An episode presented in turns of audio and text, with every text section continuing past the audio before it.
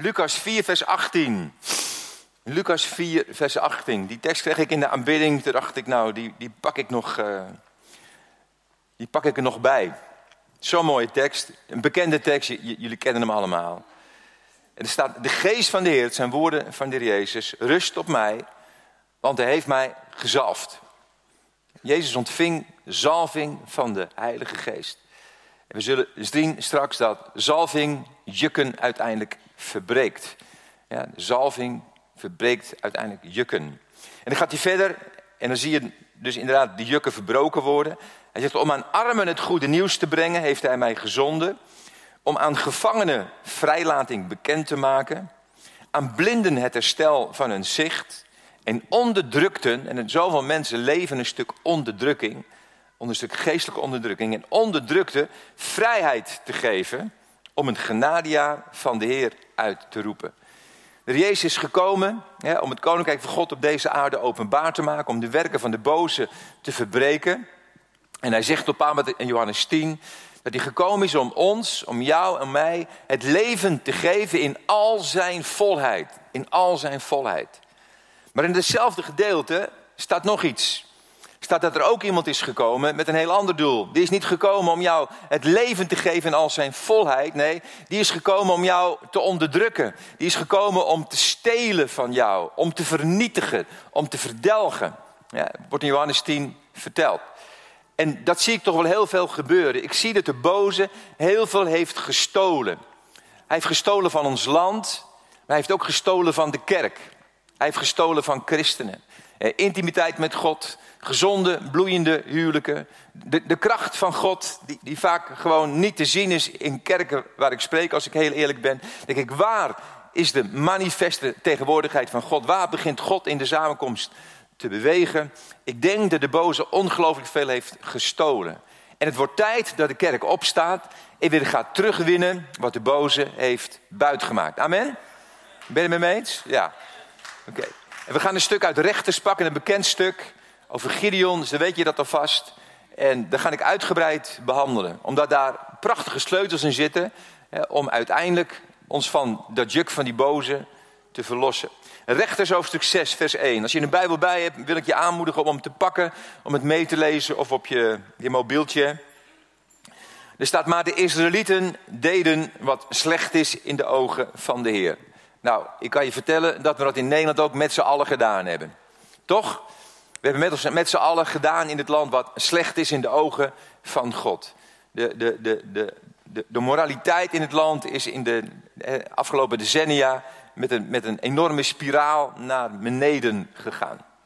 Dus dat zien we ook om ons heen. Daarom leverde hij hen uit aan het volk van Midjan, dat hen zeven jaar achtereen kwam plunderen. En het angst voor de Midjanieten richtten de Israëlieten in de bergspleten, grotten en op andere moeilijk bereikbare plekken schuilplaatsen in. Ze gingen zichzelf verstoppen, omdat ze niet opgewassen waren zeg maar, tegen ja, datgene wat op en afkwam steeds opnieuw. En dat zie ik ook wel een beetje met de kerk gebeuren. Dat de kerk zich langzamerhand heeft verstopt, zeg maar. Ja, het land weet niet meer waar de kerk staat. Wij zijn onze invloed zijn we kwijtgeraakt. Onze stem is niet meer te horen. Maar het is een beetje een fluisterende stem geworden. We hebben ons verstopt.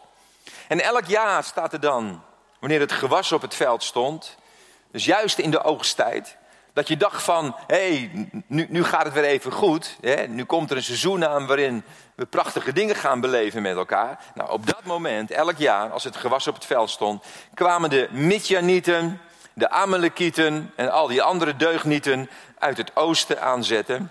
En vielen ze Israël binnen. Ze sloegen er hun tenten op en vernietigden de oogsten tot helemaal in Gaza. Niets lieten ze voor de Israëlieten over om van te leven. Nog geen schaap, geen rund en geen ezel. Als een zwerm sprinkhanen kwamen ze aanzetten met hun vee en hun tenten. Een onafzienbare massa mensen en kamelen die het land binnenviel en alles verwoestte. En door toedoen van Midjan verviel Israël tot bittere armoede. Israël verviel tot bittere armoede. En hoe reageerden de Israëlieten?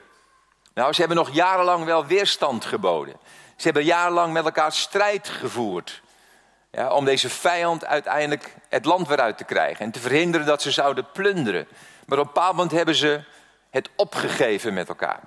Ze hebben de situatie geaccepteerd. En ze hebben gewoon de Midjanieten binnen laten komen terwijl ze zelf zich verstopt hadden. En ze hebben het land laten plunderen uiteindelijk. En wat er dan gebeurt, ja, uiteindelijk leefden ze, staat er, in een situatie van bittere armoede. Nou, armoede, wij denken altijd gelijk aan financiële armoede. Maar armoede is veel meer dan financiële armoede. Armoede is een geest. Armoede is een gezindheid. En ik geloof dat heel veel christenen onderdrukt worden door een gezindheid, door een geest van armoede. En ik ga het uitleggen wat die geest van armoede, wat dat inhoudt. Ik heb het voor mezelf jaren geleden eens een keer op een rijtje gezet. En ik geloof dat deze geest van armoede een van de krachtigste bolwerken is van het rijk der duisternis om de kerk onklaar te maken en om jou onklaar te maken. Die geest van armoede doet ons geloven dat wij geen overwinnend leven kunnen leiden. We hebben geaccepteerd dat zonde deel is van ons leven. En we vechten ook niet meer tegen die zonde. We zijn moe van het vechten. En we denken, nou we doen het maar. Ik las van de week in ND, gisteren, ja, dat, dat 75% van de christelijke studenten een probleem heeft met pornografie. Dat is wat. 75 En ze hebben het opgegeven om er tegen te strijden. En er wordt nu zelfs gezegd, geadviseerd door christenen... van joh, ja, dat moet je accepteren, proberen te doseren. Probeer niet elke avond maar één of twee avonden porno te kijken. Zo zijn we gedaald en zo hebben we dit leven geaccepteerd... en denken we dat we geen overwinning erover kunnen behalen met elkaar. Triest. De geest van armoede heeft invloed op ons zelfbeeld. Het houdt ons klein. Ik ben heel lang ook klein gehouden door die geest van armoede. Het gevoel dat jij er niet toe doet. Dat jij niets kan veranderen in deze wereld. Dus je houdt je mond maar dicht. De geest van armoede zorgt ervoor dat we onze situatie accepteren en niet meer verwachten of geloven dat er een verandering kan komen. En dat zie ik om me heen. Ik zie de leegloop van de kerk, kom ik straks op terug. En ik zie, weet je, heel veel mensen in een stuk gelatenheid komen. We hebben het maar met elkaar geaccepteerd. We accepteren dat dit land meer en meer in een stuk, ja, wat, wat is het, in, in, steeds meer duisternis terechtkomt. Dat er van alles gebeurt. En we laten het maar gebeuren met elkaar. De geest van armoede houdt ons af van onze unieke bestemming. De geest van armoede zorgt ervoor dat we geen risico's meer nemen, maar ons terugtrekken in onze veilige comfortzone. Ja, lekker veilig. Zoals Gideon lekker veilig was in zijn comfortzone, zullen we zien. En de geest van armoede houdt ons af van de volheid die God ons wil geven. Nou, terug, de situatie van rechters. Die leefden ook onder deze onderdrukking. Onder deze gezindheid, geest van armoede. En dan kiest God een man uit. God besluit op te treden. Dat doet hij altijd. De hele geschiedenis van de Bijbel. Hij zoekt een man, hij zoekt een vrouw, hij zoekt een persoon. Dat doet hij ook in deze tijd. Hij zoekt een mens, man of vrouw. Hij zoekt een mens. En hij kijkt, wat kan ik met jouw leven doen? Hij zoekt Gideon uit. En Gideon is nou niet bepaald de man die als ik God was geweest had uitgekozen. Toch? Jij wel? Ik bedoel, als je kijkt naar zijn leven, had behoorlijk aantal problemen in zijn leven hoor uit angst. Hij was echt een angsthaas. Hij leefde in een ongelofelijke teleurstelling, zullen we zien. Hij had totaal geen verwachting meer in zijn leven. Een teleurgesteld man was het. Had een gigaminderwaardigheidscomplex. En denk ik, wat moet je nou met zo'n man? Ja, dan had ik toch iemand anders uitgekozen. Dan had ik bijvoorbeeld, ja, had ik Jan Paul uitgezocht. toch? Nee, ook niet. Zeker niet. Ja, want die problemen die Gideon had, die had ik ook in mijn leven. Exact dezelfde drie hindernissen in mijn leven heb ik ook gekend. En toch koos God Gideon uit. En Gideon had ook nee kunnen zeggen. We zullen zien dat Gideon uiteindelijk ja zegt.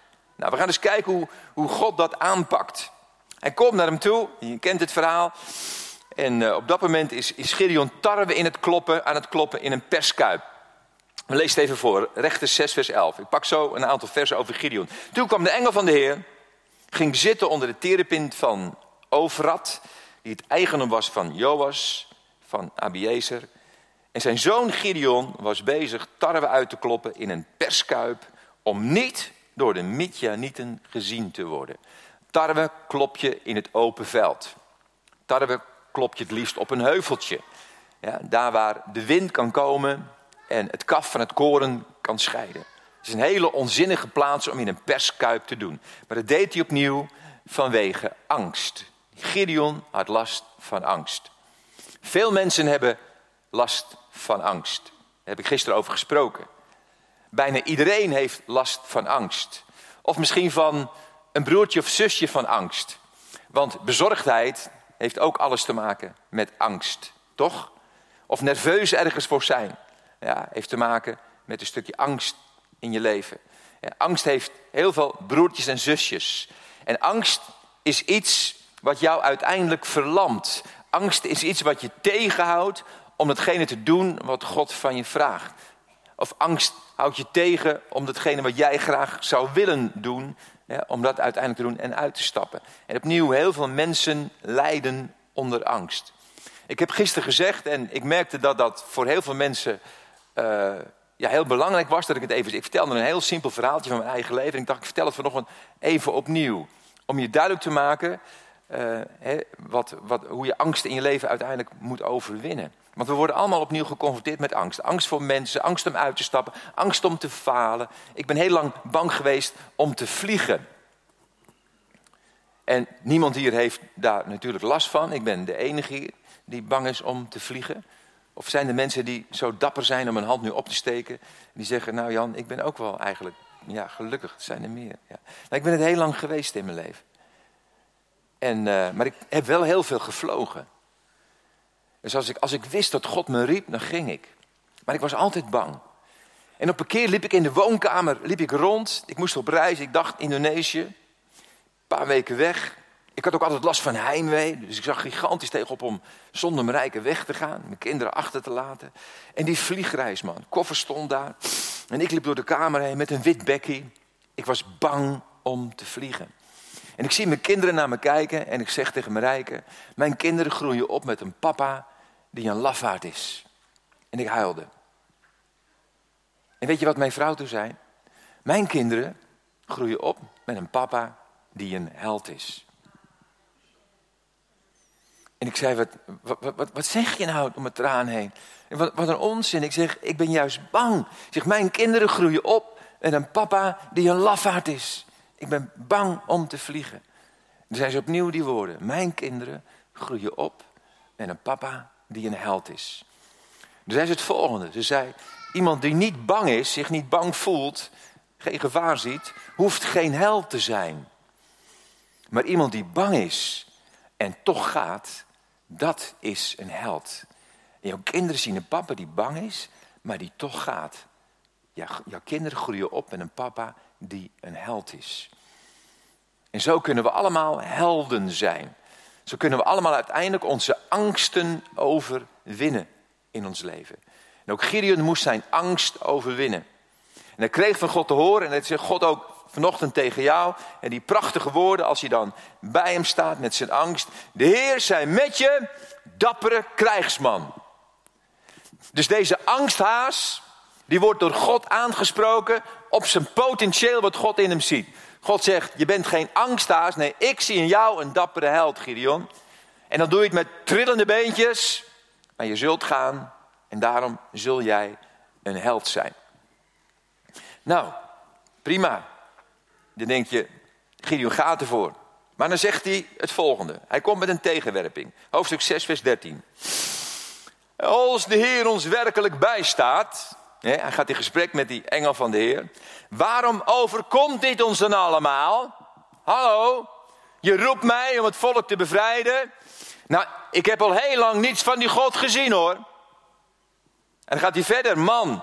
Dus één teleurstelling. Waar blijft hij dan met zijn wonderbaarlijke daden? Ja, ik hoor wel dat ze in Afrika wonderen doen, maar ik heb ze hier niet gezien hoor. Ik heb er niets van gezien. Uit Egypte heeft hij ze geleid, zeiden ze. Ja, ik heb die verhalen gehoord. Prachtige verhalen. Nu trekt hij zich in elk geval niets van ons aan en zijn wij overgeleverd aan de Midjanieten. Eén groot beklag. Hier is een teleurgesteld man. Een teleurgesteld man. Diep, diep teleurgesteld. in God. De reden kun je een aantal hoofdstukken verderop lezen. Weet je nog dat de Midjanieten zeven jaar lang binnenvielen? En de eerste jaren hè, verweerde het leger zich nog van Israël. Nou, bij dat verweer heeft Gideon twee van zijn broers verloren, zijn gestorven. Hij zat met een stuk teleurstelling. Waar was God in die tijd? Twee van mijn broers zijn overleden. Hallo? En dan zegt u tegen mij, dapper held, en, en dan moet ik die, die, die je niet in tegemoet treden? Ik heb die kracht van God niet beleefd in mijn leven ooit. Een teleurgesteld man. Zo kunnen wij ook teleurgesteld zijn uiteindelijk in God. En hier zitten mensen die teleurgesteld zijn in God. Ik ben ooit eens enorm teleurgesteld geweest in God. Daar ga ik vanmiddag mee beginnen in mijn seminar over profetie. Want een profetie heeft mij gered in die periode. Maar ik weet wat het is om ernstig teleurgesteld te zijn. Teleurgesteld in God. Teleurgesteld in mezelf. Teleurgesteld in de kerk. Teleurgesteld in kerkelijke leiders. Die teleurstelling was zo groot dat ik al mijn profetieën die ik in de jaren negentig kreeg over mijn leven. Profetieën over dat ik boeken zou schrijven. Nou, mijn vrouw en ik lachten toen ik die profetie kreeg. Want ik heb nog nooit in mijn leven een, voldoende voor een opstel gekregen. Boeken schrijven, met er geprofiteerd. In de jaren negentig. Ik zou een leidersnetwerk leiden. Nou, dat zag ik helemaal niet zitten in mijn leven destijds. Ik zou een vader in het land genoemd worden. Ik zou apostolisch werk in het land doen. Ik zou een brugfunctie krijgen om de charismatische kerk en de traditionele kerken te verbinden met elkaar. En al die profetieën heb ik onder tranen in mijn teleurstelling verscheurd voor het oog van God. En ik zei tegen mij, ik stop ermee. Nou, hoe het afliep vertel ik je vanmiddag pas, maar je begrijpt dat ik niet gestopt ben, anders had ik hier niet gestaan. Maar het kwam door een profetisch woord wat kwam. En wat levensveranderend voor mij was. Maar ik weet wat het is om teleurgesteld te zijn. En hier zitten mensen die ook teleurgesteld zijn. En het wordt tijd dat je je over je teleurstelling heen zet. En dat je opstaat. En, het grappige is, hè, hij, hij, uit zijn teleurstelling, Gideon, hè, waar was u dan? U heeft mijn gebeden niet verhoord. Mijn broers zijn overleden en weet ik wat. God gaat er niet eens op in. Vers 14, God gaat verder. Toon je moed en bevrijd Israël, dat is mijn opdracht. Zeur niet, jongen. Ik roep jou, ik zie het met je zitten. Ondanks je angst, ondanks je teleurstelling. Gideon, ik ga met je mee. Toon je moed. Nou, dan weet Gideon er nog wel een hoor. Hij, hij weet nog een excuus. Een derde. En die gaat diep hoor. Hoe zou ik Israël kunnen bevrijden, zegt hij dan. Hallo, kijk even naar me. Mijn familie heeft in onze stam Manasse niets in te brengen. Manasse was al de één, de op één na kleinste stam. Hè, die stelde niet veel voor. En dan zegt hij, in die stam Manasse stelt mijn familie niks voor. En dan gaat hij nog het, gaat in, in, de, in, de, in de derde versnelling. Ja, en dan, en dan natuurlijk achteruit. En ik zelf ben de jongste van die familie. En er staat letterlijk in het Hebreeuws het woordje: ik ben de onbetekenendste. Dus hij zegt, hallo God, Manasse stelt niks voor. Binnen Manasse stelt mijn familie niets voor. En in mijn familie ben ik de meest onbetekenend. Dat is letterlijk wat er staat. Hij leefde met een giga minderwaardigheidscomplex. Net als ik geleefd heb heel lang met een giga minderwaardigheidscomplex. Het idee dat God mij zou kunnen gebruiken. No way. En God trekt zich er opnieuw niets van aan. God zegt deze, deze man die bang is, die teleurgesteld is, die een minderwaardigheidscomplex heeft, het volgende. Omdat ik met je zal zijn, Gideon, zul je Midjan verslaan alsof het maar één man was. Hij zegt, Gideon, het draait allemaal niet om jou, jongen. Het draait om mij. En weet je wat ik heel veel hoor in preken? Dan hoor ik dat dat jij zeg maar opgeblazen wordt door predikers. Jij kunt het en je, de, de sky is the limit en je kunt zus en je kunt zo. Maar dat zegt God helemaal niet tegen Gideon. Hij zegt, inderdaad, jij kunt het niet, maar dat is helemaal niet belangrijk, want ik wil het door jou heen doen. Dat Dat zegt hij ook tegen Mozes. Hè? Mozes had ook excuses. Hè? Wie ben ik, zegt Mozes. Nou, God gaat er niet op in. Hij zegt, Mozes, het gaat niet om jou. Ik ben met je, jongen. Jawel, Jehovah, die eeuwige God. Dat verandert alles. En, God wilde het zo duidelijk maken aan Gideon. Hè, dus dat Gideon uiteindelijk, ja, dan moet, hij, dan moet hij gaan vechten tegen een leger. Je moet me even geloven, maar als je het leest kun je het allemaal zien. Tegenover 135.000 zwaar bewapende Midjanieten met artillerie en weet ik wat. 135.000 man. En hij heeft een leger van 32.000 man. Nou, dat is, een, dat is een enorm verschil. Zonder wapens, hè? Ze hadden geen wapens in die tijd. Geen smederijen in Israël. Geen zwaarden, geen speren. En dan is hij met die 32.000 man die bereid zijn blijkbaar om met hem te vechten. En weet je wat God tegen hem zegt? Je kunt het allemaal nalezen. Gideon, het gaat niet werken op deze manier. Het leger is te groot van jou. Te groot? 32.000 man tegenover ons. Heeft God het allemaal goed gezien? Te groot? Maar dan zegt hij de reden.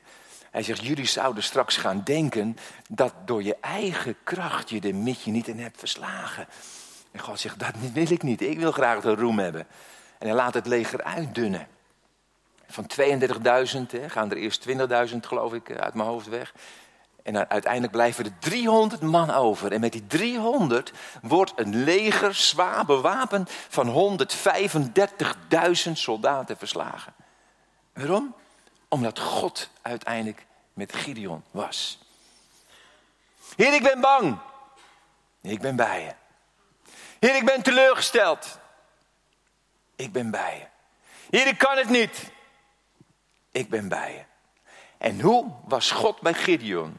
En nu komt de crux, nu komt de sleutel die zo ontzettend belangrijk is. En waar in ons land wat moet gebeuren. Waar in de kerk van Nederland wat moet gebeuren. Hoe was God met Gideon? Daar komt hij. Hoofdstuk 6, vers 34. Toen kwam de geest van de Heer over Gideon. HSV zegt, toen bekleedde de geest van de Heere Gideon. De geest van God die kwam op Gideon, veranderde alles. De geest van God op Gideon maakte van een lafaard een held. De geest van Gideon maakte van iemand die teleurgesteld was, iemand die weer verwachting had op God. De geest van God maakte iemand die een slecht zelfbeeld had uiteindelijk, gaf hem het gevoel, maar door Gods genade en Gods kracht kan ik geweldige dingen uiteindelijk doen. Het was Gods geest die hem radicaal veranderde. En hij wist het volk Israël uiteindelijk te bevrijden van dat juk van de Midjanieten. Later wordt er over geschreven door Jezaja. Jezaja zegt er het volgende over. Jezaja 9. Het volk dat rondwaalt in het donker, dat ziet een helder licht.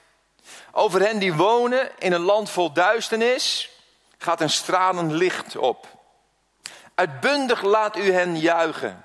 U overstelpt hen met vreugde. Ze verheugen zich voor uw aanschijn, zoals de vreugde is bij de oogst. En het was er niet meer hè, in die tijd. Geen vreugde bij de oogst, want als de oogst daar kwam, dan kwamen de te binnenvallen. Maar er zal weer vreugde zijn bij de oogst. En gejuich bij het verdelen van de buit. Want, zegt er dan, het drukkende juk, de stang op hun schouders, de stok van de drijver, u breekt ze stuk als op de dag van Midjan. Wauw. Dus God zegt hier, zoals ik eens het juk van de Midjanieten heb verbroken, zo zal ik ook in deze tijd het juk van de vijand verbreken en in de toekomst het juk van de vijand verbreken. En hoe werd het juk verbroken? Opnieuw door de geest van God die rustte op Gideon. Een hoofdstuk verder in Jezaja, Jezaja 10, daar staat dat het juk wordt verbroken door, het woordje staat er dan, zalving. Door zalving. In de Basic Bijbel staat: Het juk dat hij op jullie nek had gelegd, zal worden vernietigd vanwege de man die ik heb gezalfd. Het was maar één man, Gideon, die werd gezalfd door God. En het had een geweldig effect. En later in het Nieuw Testament zien we één man, Jezus, die gezalfd was met de Heilige Geest.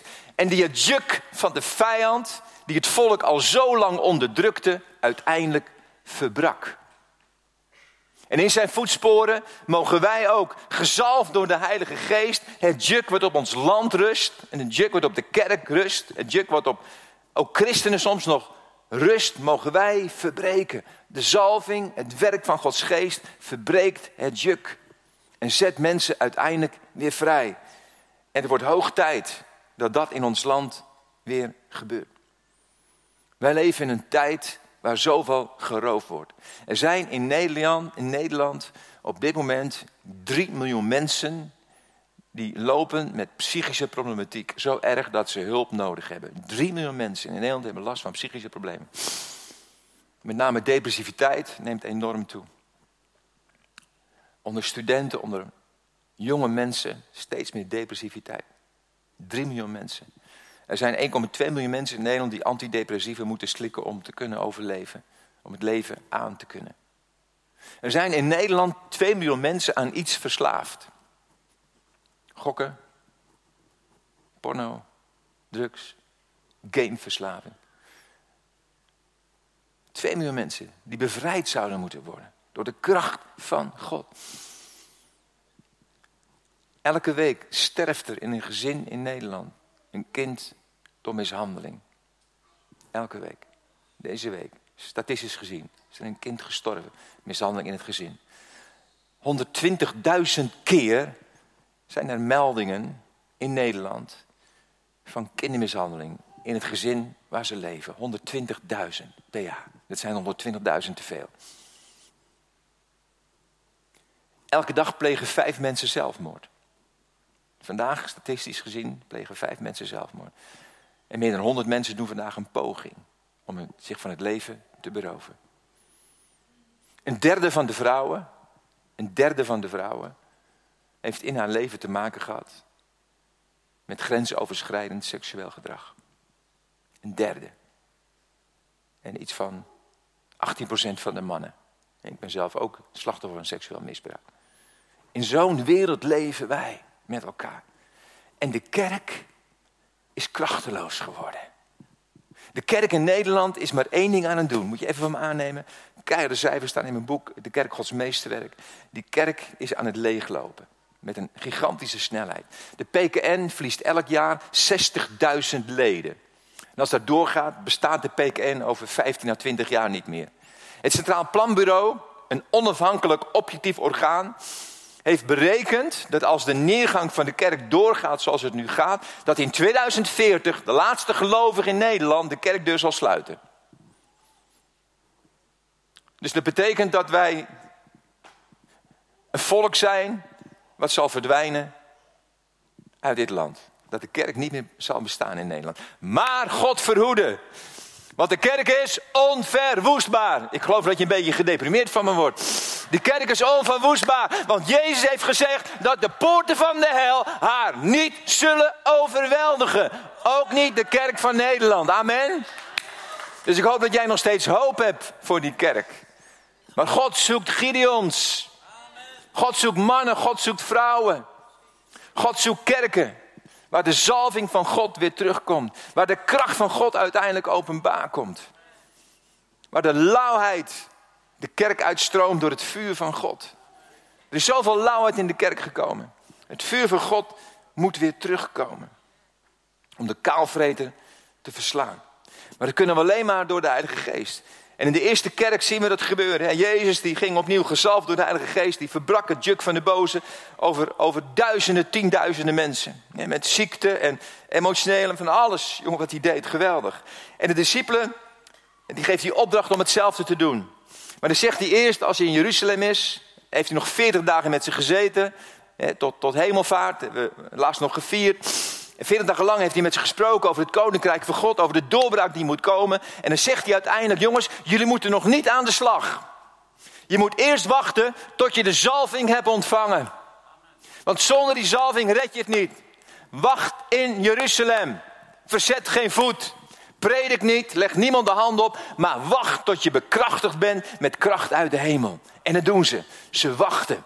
En ze wachten. Ja, wij weten nu dat het tien dagen duurde. Ja? En als ik weet het duurt tien dagen, nou, die wil ik wel tien dagen wachten. Dan denk ik, nou, dan gaat het gebeuren. Maar ze wisten niet hoe lang het zou duren, joh.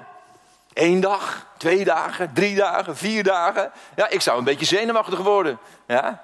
Ik heb toch een, een, baas, ik moet eigenlijk aan het werk en ik moet dit doen, ik moet zus doen. Ja, en zou het nog wel gebeuren? Hij heeft het wel gezegd. Zes dagen, zeven dagen, acht dagen, negen dagen. Maar na tien dagen gebeurde het. Een explosie kwam van de hemel. En de eerste gemeente werd in vuur en vlam gezet. En het koninkrijk van God brak, brak krachtig door.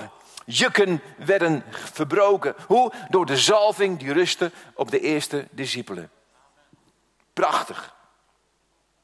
Maar die kracht, opnieuw, die zie ik niet zo heel veel meer in de kerk. Ik zie heel veel christenen die eigenlijk ja, een beetje een gezapig leven leiden. En als ik dan vraag, ben je gedoopt in de Heilige Geest? Ja, natuurlijk. Hè, dat, dat, dat, ze weten vaak ook nog wel wanneer. Hè. Toen en toen ben ik gedoopt in de Heilige Geest. En dan is het toch de gedachte dat het een eenmalige gebeurtenis is. Joh, maar het is niet een eenmalig iets. Je moet voortdurend moet je vervuld worden met de Heilige Geest, wist je dat? Dat is niet een eenmalig gebeuren. Dat was bij de discipelen ook niet. Het was gebeurd op Pinksterdag. De volk van Gods geest ontvingen ze. En ze gaan prediken. En een paar hoofdstukken verder lees je dat Petrus en Johannes doen een geweldig wonder. Die verbreken het juk van Satan over een verlamde man. En die man die staat op. En ze worden gevangen genomen, ze worden onder druk gezet, ze worden geïntimideerd, ze worden bedreigd. Jullie mogen nooit meer de Jezus, mogen, je, mogen jullie prediken. En ze komen terug bij hun maatjes, hè, terwijl ze geïntimideerd zijn. Ze vertellen wat er gebeurd is. En wat gaan ze doen? Ze gaan een bidstond houden, joh. En wat gaan ze bidden? Oh Heer, arme ons. Heer, wilt u ons beschermen voor deze vijand? Nee, ze gaan opstaan. Heer, geef ons vrijmoedigheid. Amen. En bevestig onze woorden met wonderen en tekenen. Dat bidden ze echt. Lees het maar na. En wat staat er? De plek waar ze, ja, ik sta hier op een geweldige plek, want de plek waar ze waren, die begon te bewegen, joh. En als het hier beweegt, vinden we niet leuk. Maar daar was het een beweging van de Heilige Geest, joh. Een fysieke beweging. En wat staat er? Ze werden opnieuw vervuld met de Heilige Geest. Hoe staat het met jouw leven? Paulus schrijft aan Efeziërs: bedrink je niet aan wijn waarin bandeloosheid is. En dat staat voor alles wat in de wereld is. alle geneugden, alle behoeftes van de wereld waar we toe aangetrokken worden. Hij zegt, daar moet je niet vol van zijn. Maar zegt hij, wordt vervuld met de Heilige Geest. Nou, in de grondtekst staat daar, wees voortdurend bezig om vervuld te blijven met de Heilige Geest. Staat er echt. Dat is een voortdurende gebeurtenis. Wij moeten ervoor zorgen dat we vol blijven van de Heilige Geest. De kerk is dor geworden. De kerk is droog geworden. Gaat het nog? Ik weet niet hoe lang ik nog heb, maar ik heb nog heel veel te zeggen. Maar... Nee.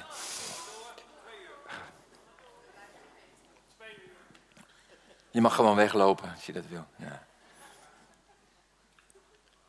Vorig jaar zou ik na Pinkster beginnen met een boek te schrijven over de bergreden. Nou, het is nog maar kort hoor. Dus ik, ga niet uh, nog, nog uh, een half uur verder, hoor. tien minuutjes ben ik klaar. Is dat goed? Ik zou een boek schrijven over de bergreden. Dat wilde ik al jaren. Ik had een nieuwe uitgever, Kok Boekencentrum. En die begeeft zich vooral in de, in de kerkelijke wereld. De grootste christelijke uitgever in Nederland. Dus ik, ik vond het heel mooi om daar binnen te komen en, en, mijn boodschap daar te brengen. En ik had met die uitgever gezeten. Ja, een boek over de bergreden, fantastisch, Jan, mooi. En alles was klaar. Ja, en daar bedoel ik mee, als ik schrijf, dan doe ik daar gemiddeld zes weken over, vijf tot zes weken. Dus ik plan vijf, zes weken vrij. Ik moet, wil er met één ding bezig zijn. En dan ben ik een boek aan het schrijven. En dan mag Marijke ook niet op mijn kantoor komen, dan mag ze niks aanraken. Er mag niet stoffen daar, ze mag hem niet betreden, dat heiligdom. Want er is een plek waar, waar ik mijn boeken open heb liggen, waar ik commentaar heb liggen. En ik weet alles precies te vinden en dat mag allemaal niet veranderen. Dus alles lag klaar. Allemaal nog dicht die boeken, commentaren, boeken over de bergreden. En ik had geen passie. Ik, op de een of andere manier denk ik van, ja, ik moet gaan schrijven. En ik kan technisch gezien best wel een boek over de bergreden ondertussen schrijven. Die bekwaamheid heb ik wel. Maar het voelt niet goed. Ik had het tegen Marijn gezegd. Ik, ik, voel, ik voel geen passie. Een week voor Pinkster moest ik spreken in een kleine gemeente in Purmerend. Charismatische gemeente. Echt een heerlijke charismatische gemeente. Het was coronatijd, dus het was nou, helemaal stil. 30 man mocht erin en die was er ook. 30 man. Er waren muzikanten ziek, dus ze hadden geen muziekteam. Ze draaiden YouTube-filmpjes en zongen ze mee. Zo'n samenkomst was het. En ik hou een preek over de Heilige Geest. En ik merkte al op het einde dat mensen aangeraakt werden. Mensen begonnen te huilen. te manifesteren. En dat, dat je zag van de Heilige Geest is bezig. En op het einde viel de voorganger op zijn knieën neer. En hij huilde, hij huilde. En hij bad, Heer, Heilige Geest, we hebben u genegeerd. We hebben u niet de plek gegeven die u toekomt. En hij begon het te beleiden. En ik liep naar hem toe en ik begon voor hem te bidden. En werd krachtig aangeraakt door de Heilige Geest. Ik begon anderen te bidden. En ik gaf het over aan de bindingsleider. Zijn, zijn vrouw was dat, van de voorganger. En die had snel nagedacht al tijdens mijn preek. En die zette een nummer op van Martin Smith. Come Holy Spirit. Ik had het nog nooit bewust gehoord. Misschien wel eens gehoord, maar kippenvel. En het raakte mij. Ik had met mijn boodschap die gemeente geraakt, maar het lied raakte mij. En ik dacht, ik moet naar huis toe. Dus ik snel koffie drinken en ik stap in de auto. Ik pak mijn mobiel, ik zet hem op mijn playlist. En ik zet het nummer op. Ik heb de hele weg naar huis, 40 minuten lang, dat nummer gedraaid. Met tranen in mijn ogen. Het is een schreeuw van Martin Smit over een nieuwe uitstalling voor Gods geest. Omdat de kerk droog is geworden. En ik rijd de Florronde in de straat waar ik woon. En ik hoor de Heilige Geest zeggen, ik wil dat je een boek over mij schrijft. Een boek over de Heilige Geest. Dat je de kerk in Nederland voorbereidt op een nieuwe uitstorting van de Geest. Dat je ze warm maakt, passie weer in de kerk geeft naar een nieuwe uitstorting van de Heilige Geest. En het boek is er gekomen. Ik ga er straks hier aan het voorlezen. is dit boek. Kom, Heilige Geest. De band mag naar voren komen. De vroege christenen hadden de boodschap van Jezus heel goed begrepen. Zij waren volkomen afhankelijk van de Heilige Geest. Als zij diakenen moeten aanstellen voor de verzorging van de Grieks sprekende weduwe, je zou toch zeggen een hele praktische taak. Dan kijk je even naar de competentie van organisatiekunde of zo. Hè? En wat staat er dan? E, een van de belangrijkste voorwaarden, die wordt als eerste genoemd. Ze moesten vol zijn van de Heilige Geest. Dat is wat. Dat kon je blijkbaar dus zien aan iemand. In mijn boek beschrijf ik hoe je kunt merken of je vol bent van de Heilige Geest. Blijkbaar is dat iets zichtbaars als iemand vol is van de Heilige Geest. Het was de Heilige Geest die hen in staat stelde om de dingen te doen die God van hen vroeg. Maar in de tweede eeuw sloeg de kerk een andere weg in.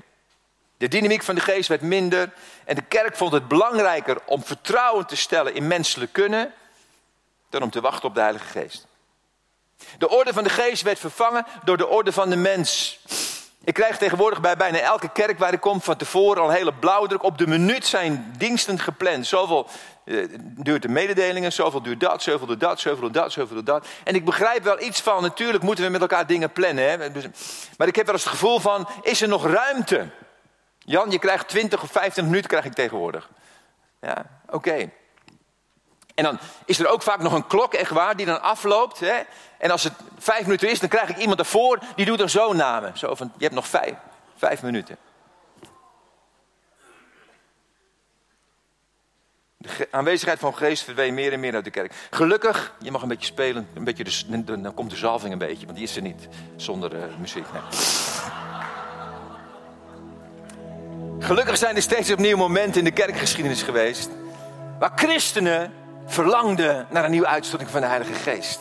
En gingen bidden, op hun knieën gingen. En in de kerkgeschiedenis kun je lezen, beschrijf ik in mijn boek een aantal van, van die opwekkingen. Waarin Gods geest kwam. Weet je, en waar, en waar geweldige dingen gebeurden. En ik werd aangeraakt in mijn schrijven van mijn boek opnieuw door een opwekking die ik las in het dorpje Muttlingen in Duitsland. Een heel klein dorpje van 500 inwoners. En misschien ken je dit verhaal. En dominee, dominee Bloemhart, theoloog, gestudeerd. Die kwam in het dorpje en die werd geconfronteerd met een demonisch bezette jonge vrouw.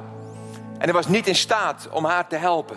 En hij zegt op een bepaald moment: Ik heb alles geleerd op mijn theologische opleiding, maar ik heb niet geleerd hoe ik demonen moet uitdrijven en zieken moet genezen. Datgene wat centraal stond in het leven van Jezus, het juk van de boze verbreken, hadden ze hem niet geleerd. En hij was gefrustreerd. Jarenlang heeft hij gestreden met het demonisch bezette meisje. Uiteindelijk is ze bevrijd. Waarom? Omdat hij ontdekte de kracht van de Heilige Geest. En er, vond een enorme schokgolf vond er plaats. Wilt u gaan staan met me? Heilige Geest, wilt u komen?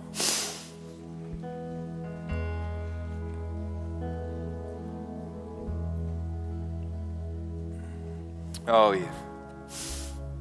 Heilige Geest, kom. Als ik deze woorden uitspreek, gewoon dit voorlees, dan bid ik u, Heer, raak mensen al aan, Heer. Heer, vul mensen in met uw geest.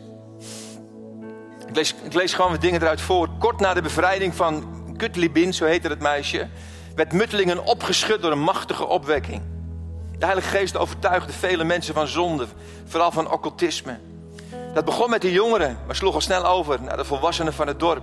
En overal in Muttelingen schoten huissamenkomsten als paddenstoelen uit de grond. Het opwekkingsvuur greep ook om zich heen onder de kinderen. En ze begonnen eigen bidstonden. Je kinderen die bidstonden gaan beginnen, die initiatief nemen. Gebeurde zelfs op de scholen, waar kinderen begonnen te bidden. Muttelingen kwam met het middelpunt van de belangstelling. De dorpskerk werd natuurlijk veel te klein. Honderden mensen zaten zondags op klapstoeltjes op het kerkhof rondom het kerkje.